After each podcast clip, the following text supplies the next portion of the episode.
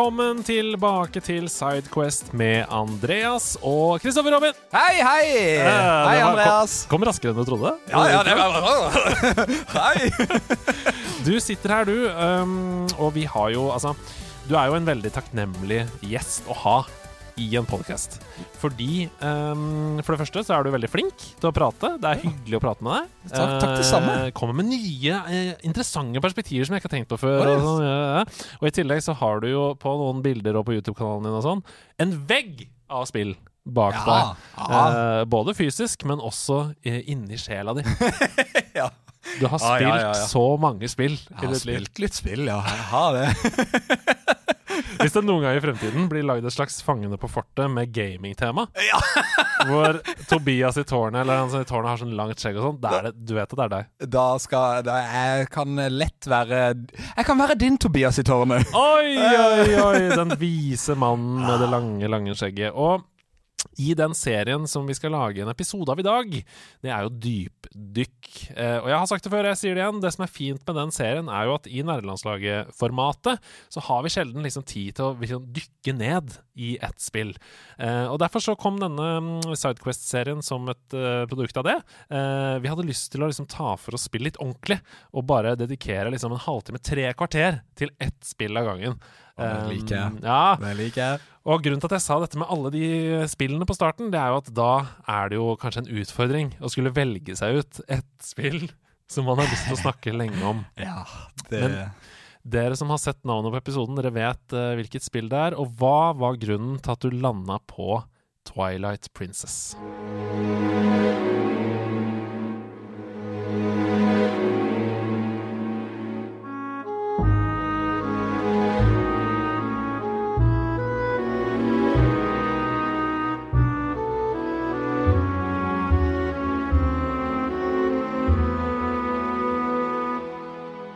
Altså, jeg kan jo aldri få nok av å snakke om Selda. for det er en serie som jeg elsker overalt på jord. Det var jo et av de første spillene jeg spilte, var uh, Link to the Past.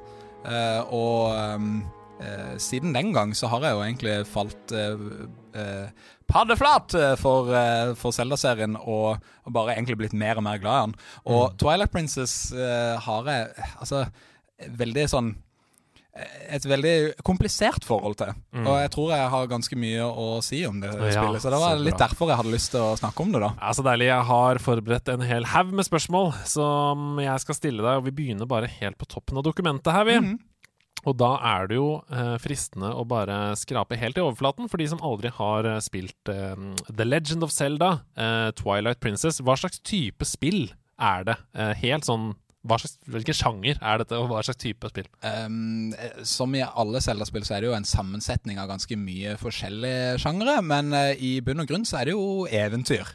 Ja. Uh, eventyr med action-elementet og puzzle-elementet. Her er det kanskje litt mer action enn puzzles, tror jeg. Eh, men eh, ja, eventyrspill. Ja, og noen av Zelda-spillene i varierende grad eh, I hvert fall noen vil jo si at de har RPG-elementer også, for man får jo på en måte utstyr og mm, i, I noen av spillene så eh, ja, får man bedre armor, og man tar jo valg ut fra hvordan man vil spekke sin karakter og sånne ting.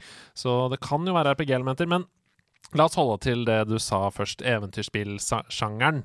Hvilket forhold har du til den sjangeren? Du, du snakka litt om det i stad, kanskje enda mer konkret Zelda-sjangeren. Jeg, jeg, jeg har liksom Ah. lyst til å kalle det en egen sjanger, for det var jo jeg føler egentlig det er det. Ja, for det var jo tross alt eh, The Legend of Zelda, altså Mm. spillet fra 1986, som eh, egentlig på mange måter skapte denne sjangeren. Ja. Eh, ja, det, altså den hadde jo, den hadde jo uh, tunge inspirasjoner av, av rollespill, som du nevnte. Og det fantes jo eventyrspill før uh, det òg, men ikke i dette formatet her. Mm. altså, Det gamle, originale Zelda-spillet er jo litt sånn der du bare blir kasta rett ut i en verden og kan utforske i ditt tempo som du vil. Twilight Princess, eller fra Ocarina of Time og oppover, så har det jo egentlig vært litt mer at du blir det, det har gått ifra å, eh, at du kan gå rundt og utforske i ditt tempo, til å egentlig bli sånn dratt gjennom en tour. Eh, Tour de Hyrule. tour de Hyrule, ja. og uh, altså, det er jo det til en viss grad i Link to the Past, det. Eh, men det har på en måte bare blitt det mer og mer og mer. Fram til da Breath of the Wild kom ut. I, jeg merka at i løpet av denne tida her så kom jeg til å spore til veldig mange andre Zelda. Men det er bra, det var jo det jeg spurte om. Hvilket forhold har du til Zelda-sjangeren? ja, altså, eh, Zelda, eh, favorittspillserien min. Ja. Eh, punktum. Ja, Det sier jo litt også når vi mm, da har etablert at du har spilt eh, mye av det som har kommet noensinne i starten her. Men ok, litt over til selve spillet, da. Eh, The Legend of Zelda Twilight Princess. Hva er det man gjør i det spillet? Kan du si liksom litt om settingen det befinner oss i, og om den skiller seg noe fra de andre spillene i serien? Ja, vi befinner oss jo i Hyrule, som i de andre spillene. Eh, Du styrer Link, som i de andre spillene. Eller eh, eh, potetfis, eh, hvis du har lyst til å kalle den det. Ja, det kan du. Eh, ja, Du kan kalle den for hva du vil, faktisk. Fram til Breath of the Wild. du kan kalle den for Zelda òg, for så vidt. Oi, oi. Ja, Men da åpner du opp en helt ny Quest som ikke har noe med det vanlige spillet. Ja, samme det. Uh, men i Twilight Princess ja, så er jo en enkel eh, bondegutt. Mm. Uh, litt sånn Litt som i Star Wars, da. Så er man en slags Luke Skywalker som ser ut i den store verden og tenker at fins det, det noe mer der ute? Mm. Og så jobber man for, for en smed som har fått i oppdrag av eh, Hyrule Castle, altså kongefamilien i Hyrule. At uh, ja, vi trenger et sverd av en eller annen grunn. Jeg husker ikke, det begynner å bli noen år siden jeg har spilt dette her, men de trenger et sverd i hvert fall. Og da får du i oppdrag av han smeden bare sånn Ja, nå skal du ut eh, i den store verden, ut av landsbyen vår som du aldri har gått utenfor og besøke kongefamilien for å overrekke dette her, en gave fra vår landsby. Uh, og så, eh, før man vet ordet av det ehm, Ja, etter en lang tutorial, vel å merke. Hvor du må hente noe kyr skal, eller sauer eller noe sånt, Du som skal, skal- fanges inn, og du skal ri, og du skal holde på oppå bondegården her. Du skal basically være en bonde. Ja, du skal det. Ja. Du skal være en flink eh, bondegutt, så, så kommer det i gang. Men eh, denne settingen den er jo mørkere, dette spillet. Det er Ja. et mer modent spill, på en måte, og, og skumlere da enn f.eks. Windwaker, som, um, Ja. som jo var det forrige spillet, som kom fire år før Twilight Princess. Um, og mange hadde jo bedt om det, for det var jo sånn den mørke oppfølgeren til Ocarina of Time, Majora's Mask. Hva er den mørke oppfølgeren til um, Windwaker? Mm. Det er Twilight Princess.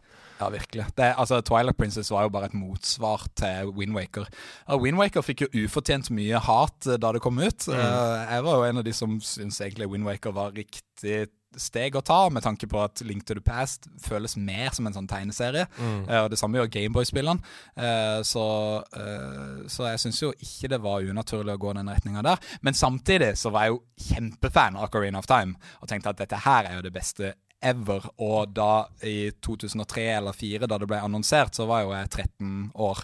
Og i den alderen der alt skal liksom være mørkt og skummelt og jeg, eh, på en måte eh, Jeg er ikke et barn lenger. Jeg skal ha det mørkt og kult. Eh, og Twilight Princess var jo virkelig det. Ja, ja, og dette var jo Selv om um, Nintendo Wii uh, var i 480P, så hadde jo konkurrentene kommet seg opp til 720. eh, og introduksjonen av um, HD-grafikk, uh, eller det som vi kaller for HD-ready nå, da, um, var jo faktisk ganske underveldende for min del. Fordi f.eks. For Battlefield, Call of Duty, disse spillene som skulle på en måte være eh, bevise hva spill kunne være, de var jo bare brune og grå. Ja, det sant. var bare brun grafikk. Ja. Det var bare sånn uh, Shades of brown. Ja, men det, det var en periode der alt var brunt. Ja, uh, og kanskje Twilight Princess var i den uh... for det var det det var, nemlig. Ja, det var jo egentlig det. I begynnelsen av Twilight Princess på GameCube så husker jeg det føltes som at Call of Duty hadde tatt over uh, Hyrule. ja, ja, faktisk. Det, det, er jo denne her Twilight Zone, holdt jeg på å si, som man altså etter hvert bare havner. Mm. Uh, uten å liksom spoile for mye. Kan vi spoile ting? Ja her, da, dette er, er et, et gammelt spill. Det er 20 år gammelt, så ja. dette skal vi selvfølgelig spoile. Men, men jeg må bare gammelt, ja. uh, uh, også si at um, det var grunnen til at jeg la det vekk på GameCube. Ah, ja, ja, okay. Og så tok jeg det opp igjen på Wii, ja. da hele spillet var speilvendt. Og, uh, og, motion controls var veldig godt implementert, mm. uh, eh, syns jeg. Det var ikke for mye av det. Det var helt perfekt implementert.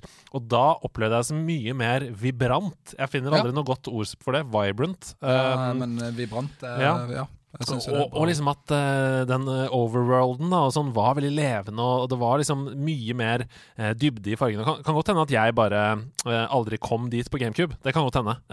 men jeg følte i hvert fall at det var en markant forskjell på Wii. Ja, jeg hadde jo sikkert 80 timer da jeg gikk over til Wii-versjonen. Ja, ja.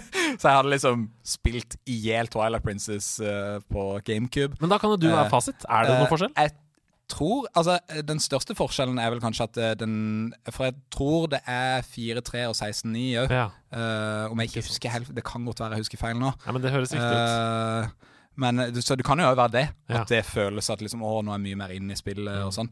Men, uh, men, ja, denne Twilight Zone er jo kanskje noe som veldig mange blir litt sånn turned off av. Mm. for det er jo ikke en veldig pen setting. Her prøver de også å lage en dark world uh, à la uh, fra uh, Link to the Past. Mm. Uh, men de klarer jo egentlig ikke det. Um, I tillegg så var jeg ganske pysete, så kan jeg synes det var litt ubehagelig. ja, altså, men, det, det, men det, er, det, er, ikke kødd engang. Det var skummelt. Ja. Og de der uhyrene som kommer og tar det. Og, ja. å, nei, det er dritekkelt. Ok, uh, Ganske tidlig i Twilight Princess så kommer den første revolusjonerende gameplay-mekanikken. Nemlig at du innser at du kan forandre deg til en ulv. Ja Uh, jeg ble helt satt ut av det. Jeg kom fra um, spill som Ocarina of Time uh, og hadde et veldig nært og kjært forhold til uh, Link. Ja. Og plutselig så var jeg en ulv. Husker du da det skjedde første gang? Husker ja. du hva du tenkte da? jeg husker jo at jeg fulgte veldig nøye med på på spillet før det kom ut òg. Ja, så jeg hadde jo spoila det for meg sjøl ah. før dette her skjedde. Mm. Og det var jo noe jeg egentlig gleda meg ganske mye til da jeg satte meg ned for å spille det. Men det var i den perioden der det hadde begynt å komme litt sånn utviklerintervju, og eh, de viste fram en god del av spillet. Så de viste jo fram hele tutorial-delen eh, og ulvedelen eh, før spillet kom ut. Eh, på E3, eller på Space World, heter det vel da.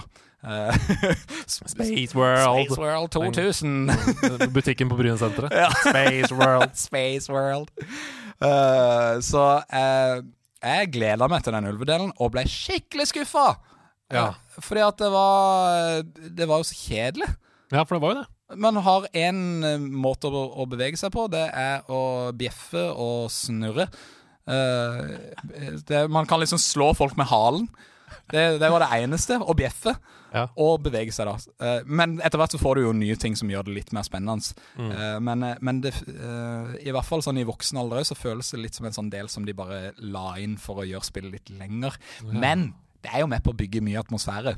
Absolutt. Uh, ja, og det er jo en av de tingene som mange ja, som en slags signatur da, for det spillet, mm. som står igjen. Uh, når du skal snakke om dette spillet om 30 år, så er det sånn Ja, det var det spillet du kunne bli ulv. Ja. Eller sånn, Det er en av tingene som står igjen. Det Er det en gøy så. referanse til Link to the Past når du blir en kanin?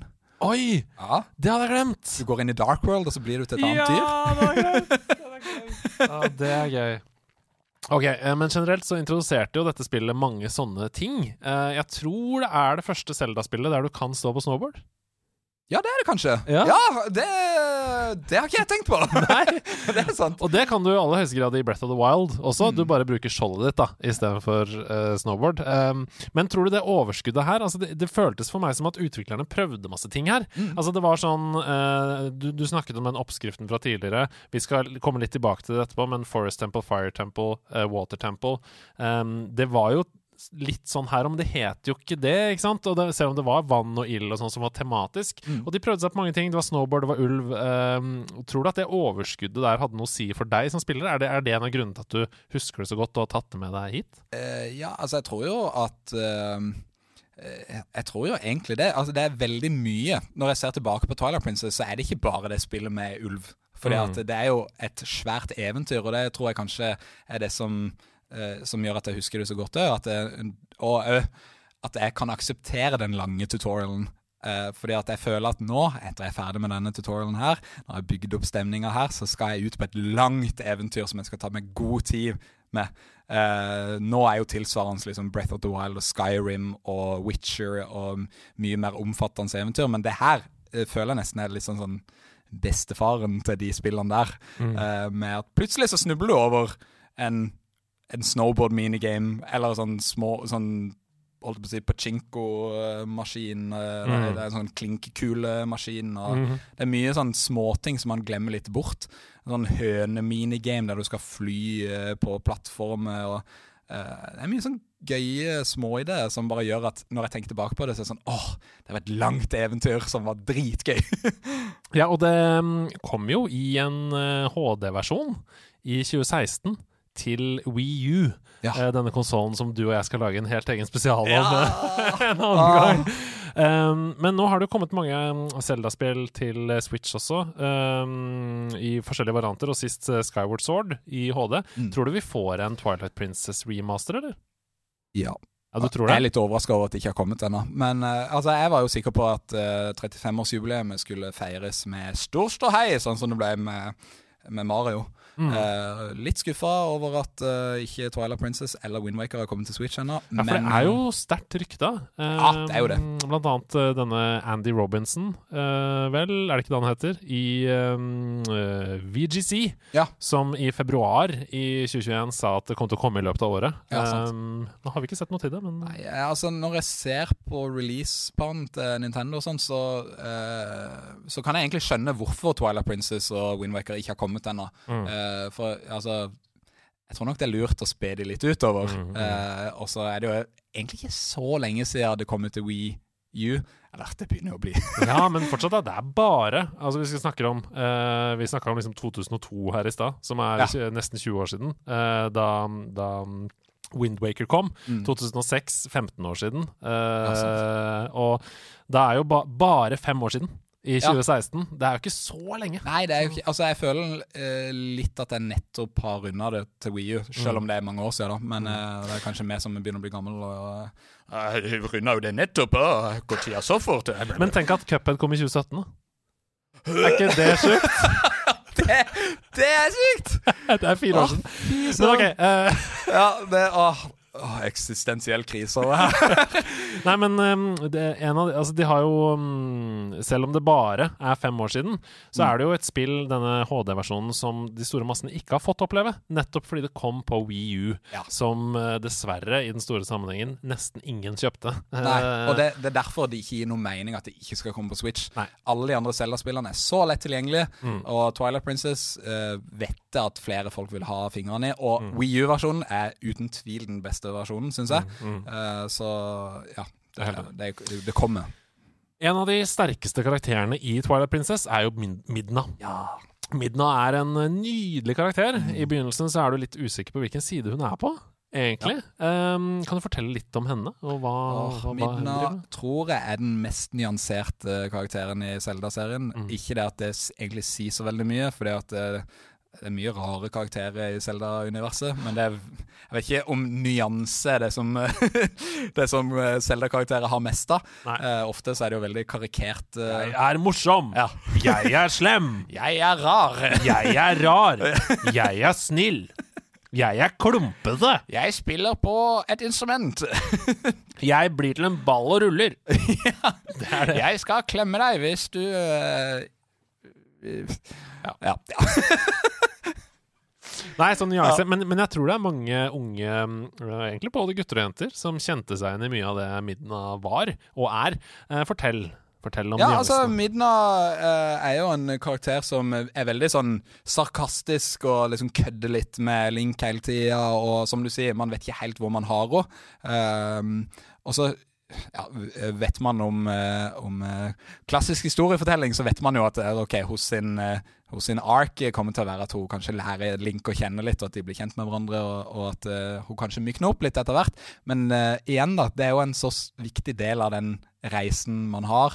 Mm. Både som spiller, og, men òg når man ser på Link og Midna sammen, så er det så digg at de liksom De, de får en litt rocky start. Uh, det Ja, det, det er det som får henne til å virke så levende. At hun, hun, er- hun er liksom ikke Hun er ikke perfekt. Hun er ikke Navi som sier 'Hei, gå dit!' Uh, hun, hun kommer med det òg, men hun kommer med det med en litt sånn annen tone, og ikke fullt så masete, og ikke en sånn 'Hei, jeg er bare her for å hjelpe deg'. Hun er litt sånn 'Jeg er egentlig her for å hjelpe deg, for å hjelpe meg'. Mm. Uh, det syns jeg er utrolig kult, og veldig sånn friskt pust i, uh, i Zelda-serien.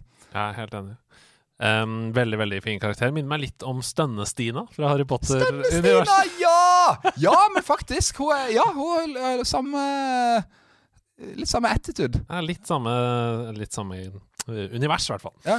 Eh, og så har du også karakterer som Uko eller eh, Zant. oh. Zant eh, som hungrer etter makt og innflytelse. Jeg, jeg syns kanskje Zant er en av de beste slemme karakterene i hele spillet. Jeg kunne, kunne kanskje til og med vært Hvis, hvis det er ett Zelda-spill man skulle komme seg unna med at Ganon ikke var hovedbossen, Ja. så kunne Zant vært det. Eller Zant, eller hvordan det uttales. Jeg husker Zant, ikke. Zant. Zant, Zant. Ja, nei, jeg er helt enig. Han, eh, han er Han er jo veldig nyansert, for han har en grunnmotivasjon som er troverdig. Mm. Eh, Det er litt som med Thanos, at man bare sånn ah, Men shit, han har jo faktisk et poeng. Samtidig som OK, han er riv ruskende gal, men, Mm. eh, men han Zant, eller Zant, eller Zant Han Ja, bra, bra skurk, altså. Ja, det kommer fra et sted, liksom, den ondskapen. Men er det noen karakterer du husker ekstra godt fra Twilight Princess? Um, jeg husker veldig godt babyen, uh, som jeg ikke husker navnet på. da Talon, eller um, Malon? Nei, nei, ikke ta nei, det er fra Ocarina of Time, det.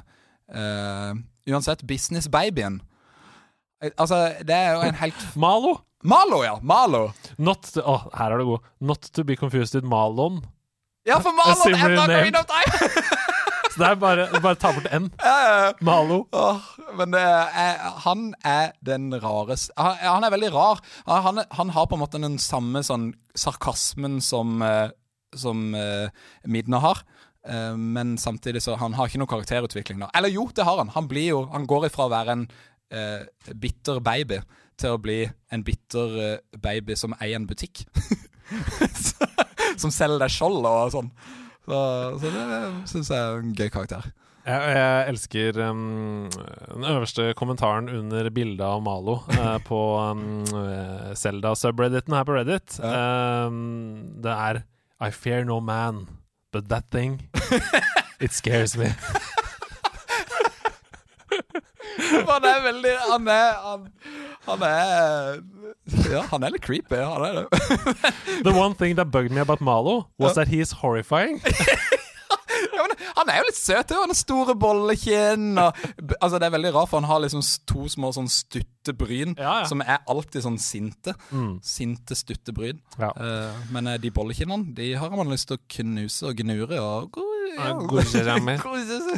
Du snakka om nyanser her i stad, og um, historien Vi var litt inne på historien. Generelt så er jo historien i Twilight Princess en av de dypeste historiene i noe Zelda-spill, egentlig. Det, det sier jo ikke så veldig mye, for det er ofte ikke sånn veldig dyp historie. Men uh, den består blant annet av en, helt, av en type sånn politiske intriger.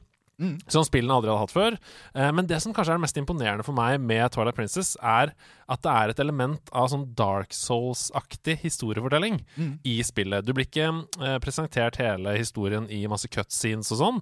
Du må oppdage den selv, mm. med ledetråder som du finner rundt omkring, karakterinteraksjoner, folk du snakker med, som er i denne store, åpne verden. Og det var nok mitt første møte med den typen historiefortelling.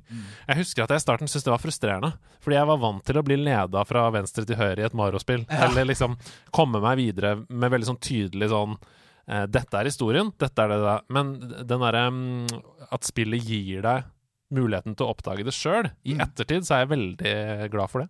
Jeg- syns jo Zelda-serien generelt er, altså, det er best på, på akkurat det her. Bare i bransjen generelt. Bare, bare Mm. se på uh, Ja, alle Zelda-spillene har akkurat det her.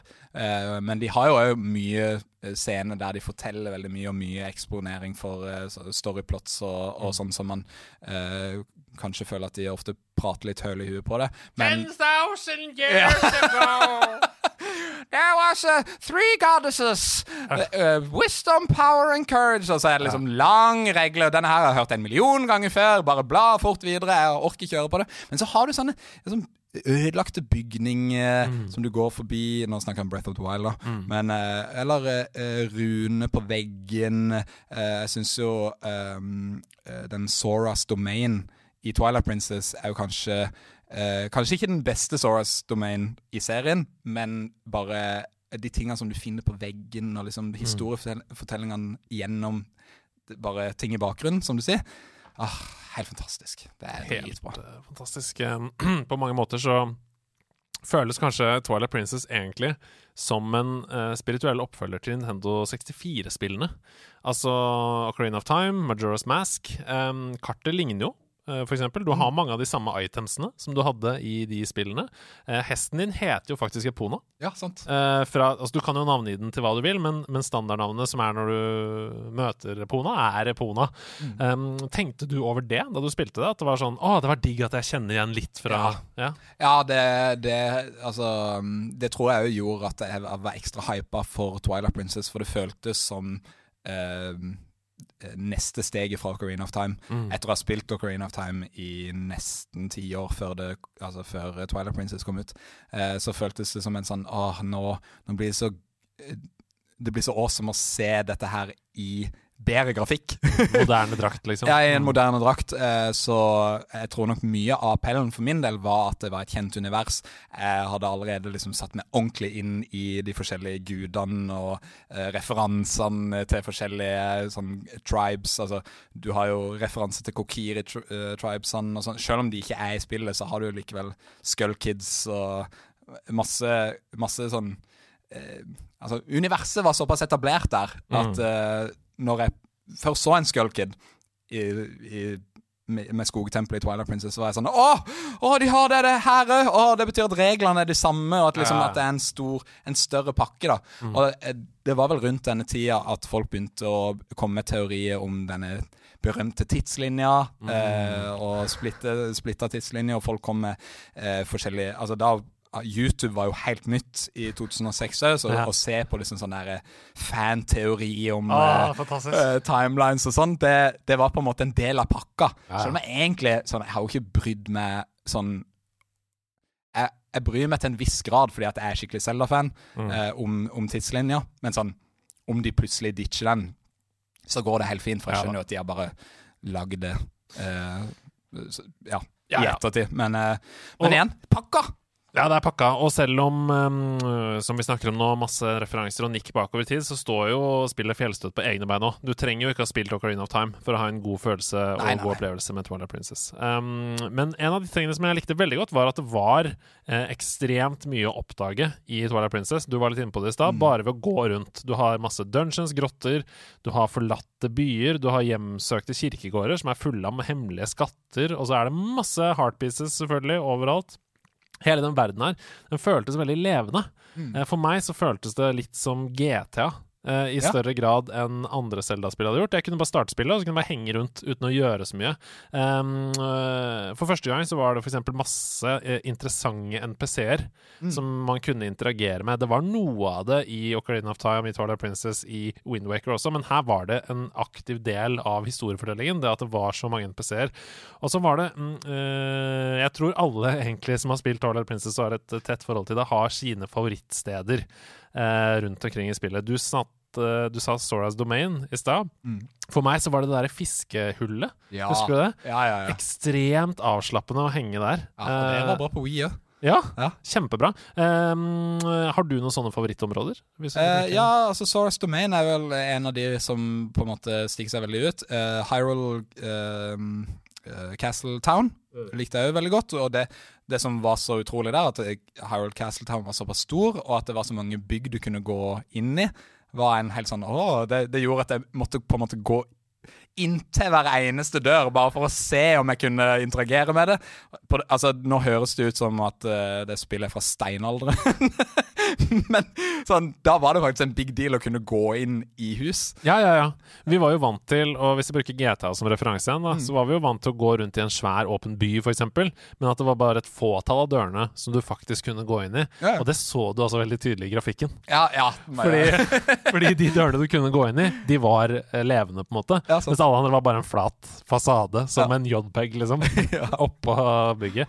Nei, så det var eh, en, en stor eh, overgang for meg. At det var liksom sånn Å ja, spillet tenker at jeg, jeg, det er ikke noe sånn objective nødvendigvis som jeg skal drives Selvfølgelig er det det, men det er ikke sånn at spillet hele tiden vil at jeg skal drives fram dit. Uh, det kan jeg oppdage i mitt eget uh, tempo, da. Det er også føles det ikke som noe rush heller, fordi at eh, det er ikke alle steder det er fiender rundt det. Og det er Mm. bare sånn 'Å, nå er du inne i byen, det er masse hyggelige folk her som jeg kan snakke med.' Ikke alle er like hyggelige, men, men det er liksom Ja, det er universbygging på sitt eh, aller beste. Mm. Men eh, jeg må jo si sånn favorittlocation, hvis vi skal snakke om tempel, da. eh, så syns jeg jo Snøtempelet Mm. er kanskje et av de beste i hele serien. Og dette er jo et tempel som egentlig ikke er et tempel i det hele tatt, det er bare et hus. oh. Med en sånn avskyelig snømann og kona som, som befinner seg der. Og det er du, du skal gå rundt i huset for å samle ingredienser til suppa hans. Uh, ja, til kona di suppe. ja, ja, ja til, kona skal ha suppe, ja. Sånn er det. Uh, For hun er sjuk, eller noe sånt. Ja, jeg lurer på om det er han Er det mannen som er syk? Eller? Nei, det er hun som er syk, for hun blir jo til bossen til slutt. Så, uh, det er, der er det på en måte historiefortelling pakka sammen med eh, tempel, Mm. og eh, åh, også atmosfæren der er dritbra. Og ja. Ja, og her er du inne på det neste punktet jeg har lyst til å snakke om. Fordi eh, der i Ocarina of Time så var det jo Spirit Temple er liksom, de, de prøver seg på en historie der med noen eh, innbyggere i Spirit Temple. Og det er en liten historie i Fire Temple også, men det er tross alt bare en dungeon der hvor du skal løse puzzles og slå en boss til slutt. Mens i Twilight Princess så er det jo liksom de puster veldig friskt liv inn i denne liksom tempelformelen da, på hver sine måter. Du har, eh, er det kanskje de beste dungeons i noe Zelda-spill som er lagd? mm, jeg tror de beste dungeonene er Links Awakening. Ja uh, men uh, Det er interessant det er opp og nikke der. ja, det er eh, interessant men- valg. Hvorfor Link's Awakening? Vi må ta en liten Eh, ja, altså, eh, Noe av det jeg liker best med eh, Altså, nå er jo Snøtempelet kanskje et eh, eh, dårlig eksempel, da, men eh, Ja, det, altså, jeg har masse eksempler, men um, hvis vi bruker uh, Link's Awakening Hvis du Ja. trekker fram ja, altså, ting som er bra der eh, Link, uh, Det som på en måte er ganske gjengående i Links Awakening, som jeg noterte meg sist jeg spilte det, var Mm. at eh, jeg måtte alltid eh, tenke på dungeon som en Eller tempelet, eller whatever hva man, hva man kaller det for, eh, som en helhet. Mm. Eh, Så hvis jeg på en måte ikke var orientert i den og den etasjen, og viser hva som skjer der, eh, så må jeg opp med kartet Ja. og se. Og bare sånn åh, hvor var jeg igjen? Og så føles det litt som en sånn nå er det jeg som har kontrollen på hvor jeg skal gå hen. Mm. Som òg kan kanskje gjøre at det blir litt frustrerende. Uh, men jeg vet ikke, det er et eller annet med det, altså mestringsfølelsen når man har på en måte slitt med å se på kartet og bare sånn Å, hvor var det igjen? Og sånn. Twilight Princess har eh, tempelet som på en måte fører deg litt mer gjennom en korridor. Eh, men, eh, men igjen, da, det, det er jo like. Altså Mm. sånn det, I 2D-sjangeren med Metroidvania så, så liker jeg jo det. At Mm. eh, man blir dratt tilbake igjen til der man skal. Eh, så ja, jeg, jeg vet ikke hva som gjør at Links Awakening er med det at det er så åpent og sånn Ja. Det føles litt som en puzzlebox, sånn som i Captain ja, Toad. Ja, jeg skjønner. Ja, nei, det, det er et veldig godt bilde. Um, helt enig. Der du, må, du må liksom vri uh, kartet uh, inni hodet ditt da Ja. uh, i, i Link's Awakening. Men ja, du har jo Goron Mine her, som er fylt med lava. Du har Lakebed Temple, som er fylt med vann. Mm. Og så har du Forest Temple, som er fylt med aper. Eh, ja, sant. Eh, men du har også denne eh, City, City in the Clouds, den byen i skyene, og du har. Snowpeak Ruins, som du snakka om nå nettopp. Eh, er det noen liksom uh, templer, eller eh, i hvert fall puzzles, da, i disse som jeg har snakka om nå, som Mm. du har lyst til å trekke frem? Husker du de jeg snakker om nå? Nei, jo, jo, jeg husker alle. Ja, ja. Men en gang du sier det, så ser jeg for meg, ah! hører for meg musikken, ah, og alt Uh, eh, er jo faktisk imot populær eh, Det er kanskje en upopulær mening, men jeg syns jo vanntemplene ofte er de mest interessante. For Ja. der må man liksom tenke på levels og, Ja. og sånn. Eh, Ocarina of Time er jo berykta for å ha det jævla vanntempelet, og at Ja. det er så vanskelig. Eh, men i 3DS-versjonen så har de fiksa det. Ja, jeg er helt Eh. Og det er, er kanskje etter min mening et av de beste templene noensinne lagd med med de mekanikkene som de har uh, rydda opp i. Mm. Eh, men, eh, men jeg tror sånn i Twilight Princess så er det atmosfære. Sånn, sånn med en gang du nevner de templene, så er det sånn Å, det er der, ja. Og der er det liksom der har du de koku-oku-folkene og det rare lyden som kommer fra veggene. Og, Mm. uh, ja, det er mye atmosfære, men akkurat puzzlene har jeg glemt litt vekk. Ja, ja. Men det er ikke så rart. Eh, Det er lenge siden jeg spilte også, Ja. så jeg skrev det bare ned her fordi jeg lurte på om du For jeg husker jo ikke sjøl heller. Husker du den, eh, den puzzlen før eh, du får Master Sword, da? For det er kanskje en av de puzzlene som er bare som du, du skal styre to statuer, og så skal de ende opp på, på to plattformer. Og så går de i motsatt retning, så hvis du, du styrer den ene, så går den andre den andre retninga. Ja, stemmer det. Den- shit. Er Altså, unnskyld meg, men det, det er noe av det verste Ja, det er jo så frustrerende. Rett før Master Sword! Det er Ja. bare sånn Vi er jo i Temple of Time, hvorfor må jeg drive med dette skitet her? Bare gi meg sverdet! ja, og, Men det er en kul puzzle, da. Men jeg bare ja. Ja, for det er jo veldig bra designa. Men øhm, ja, jeg, jeg var nok, som du sier der også, på bristepunktet av tålmodighet. For var, Mm. du er så nære, og du vet du er nære. Ja, ja. Eh, så det er irriterende. mm, Litt, kanskje litt dårlig pacing akkurat der. Ja. Burde, burde ligget et annet sted i, i progresjonen. Mm. Eh, men interessant. Jeg er sikker på at mange som har spilt det, også har, fikk mange minner av disse templene, når vi nå nevnte dem høyt. Um, som oftest i eh, et sånt tempel som dette, så kommer det jo en eh, bosskamp til slutt. Ja. Og selv om kanskje mm, Selv om Hvis du skal samle alle bosskampene i Twilight Princess, og sammenligne med alle bosskampene i andre Zelda-spill, så er kanskje ikke Twilight Princess det beste sånn overall, men noen av høydepunktene i serien vil jeg påstå at kommer i Twilight Princess. Ja, ja. Du har eksempel den spinnerbaserte kampen med Star Star der. Å, jeg elsker den! Ja, den fortell. Så, åh. Det at man står Altså, øh, det var dette her når øh, den derre spinn Hva heter det? Ja, Gå i- Beyblade. Ja. Ja. Gå i spinn! Beyblade, gå i spinn!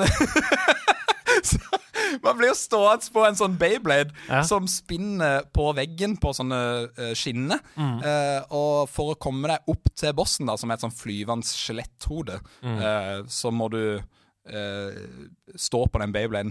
Og ja, man bruker egentlig den til å smekke den i trynet. Mm. ja, og så har du denne luftkampen med Argorock, um, som på mange måter minner om Shadow of the Colossus. Ja, det gjør det. Mm. Eh, der, jeg tror nok de har henta litt inspirasjoner fra Shadow of the Colossus, ja. Mm. Ikke bare i Twilight Princess, men i Breath of the Wild òg. Mm. Uh, så virkelig det, Ja, det, det føles uh, så gigantisk monster som flyr i lufta, som du henger etter med hookshoten. Eller clawshoten, som det heter i Twilight Princess. Mm, lett, å, lett å si det her. Er det longshoten her? Nei. Zelda-nerding! Ja, jeg elsker det! Nei, og så har du da uh, selvfølgelig da den eh, fantastiske avsluttende mm, firedelerskampen eh, mot eh, Ganon. Mm. Um, er det noen andre du husker som du liker godt, eller er det en av disse? Uh, Jeg syns vannbossene uh, Ja, husker fortell. ikke den derre ormen. For først så er det jo bare en sånn tentakelmonster som er på bunnen av havet. Mm. Uh, så det ser ut som en slags sånn rose med et øye midt i. Sånn klassisk Zelda-boss eh, med tentakler. Mm. Uh, og så får du vel øyet til, den der- til monsteret går ut i sånne små tentakler, som du må bruke huk... Nei, clawshoten til å dra øyet ut. Sånn klassisk eh, Man skal slå øyet. Mm. Eh, og etter man har klart den, så plutselig så bare begynner bakken å riste. Man er under vann, forresten. Eh, og at eh, eh, man ser at sanda liksom begynner å bevege seg under, under der, og så flyr hele den der blomsteraktige monsteret opp fra bakken, og så er det en svær ål som var så ekkel. Jeg var sånn, jeg merka at jeg liksom har lyst til å dra opp beina mine nå, bare av tanken Ja, ja. på det. Å være i et sånn svært basseng med en sånn ål som Ah. flyr eh, rundt. Og det er jo egentlig Det er jo litt sånn samme som i, i den eh, dragekampen. Mm. At du er nødt til å hive deg på ryggen til han, Mm. eh, for så å slå han i øyet mens du rir på han. Ja, ja, ja. Eh, men forskjellen er jo at du kan svømme opp til han. Eh, og liksom det å drive og svømme på sida av den ålen, det var eh, det, var et, det er et øyeblikk som bare sånn det, Når jeg tenker på Twilight Princess, så tenker jeg på det øyeblikket der. Mm. Det er litt som, en sånn, eh, som et isfjell. Du ser liksom bare litt over overflaten, og så er det bare massivt under overflaten. Eh, det kommer opp som en veldig stor overraskelse. Ja, er det noen andre aspekter da ved dette spillet, Twilight Princess, som du har lyst til å snakke mer om? Er det noe du har tenkt på til denne episoden som du tenker sånn Hvis ikke jeg får lov til å snakke om kirsebær, så klikker det for meg.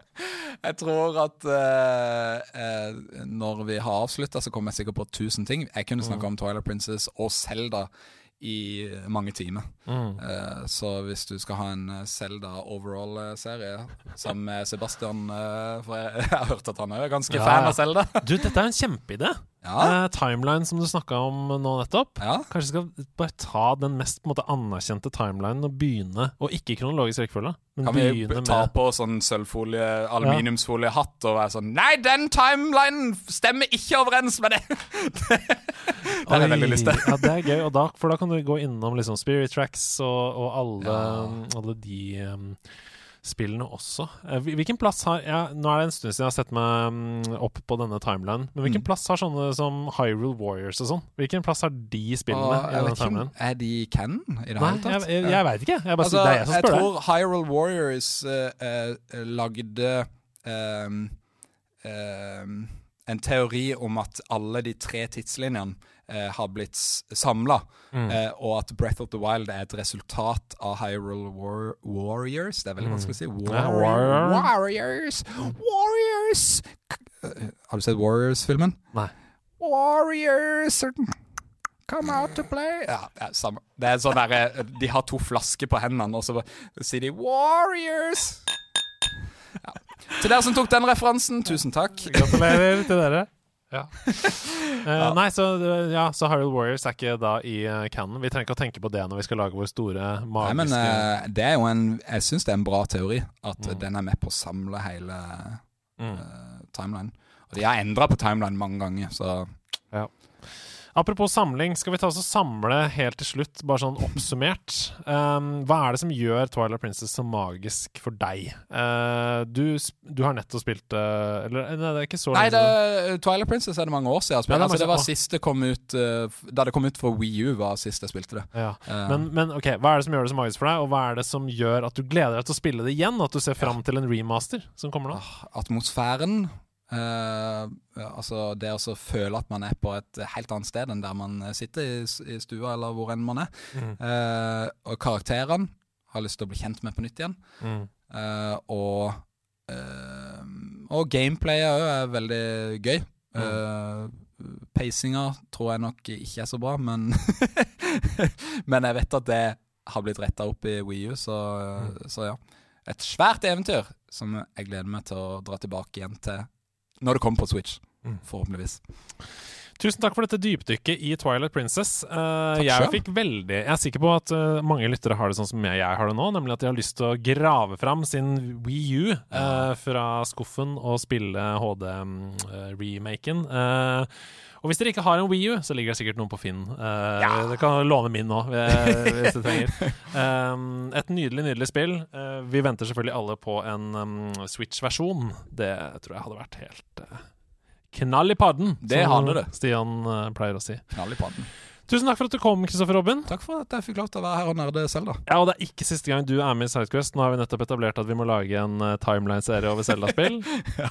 Det kan bli noen 30-40-50 episoder, det. Ja, ja. og så må vi ha en Wii U-episode. Og det skal Det kan jeg love at det blir. Å, en ny serie. Alle konsoller. Ja! Hei! ja Hei! Her kom ideen. Her kommer ideen den på løpende bånd. løpende bånd. Takk for at du hører på, kjære lytter. Eh, ha en fin eh, vår, jul, sommer, høst, eh, uansett når du hører på dette. Takk for nå. Ha det bra. Ha det.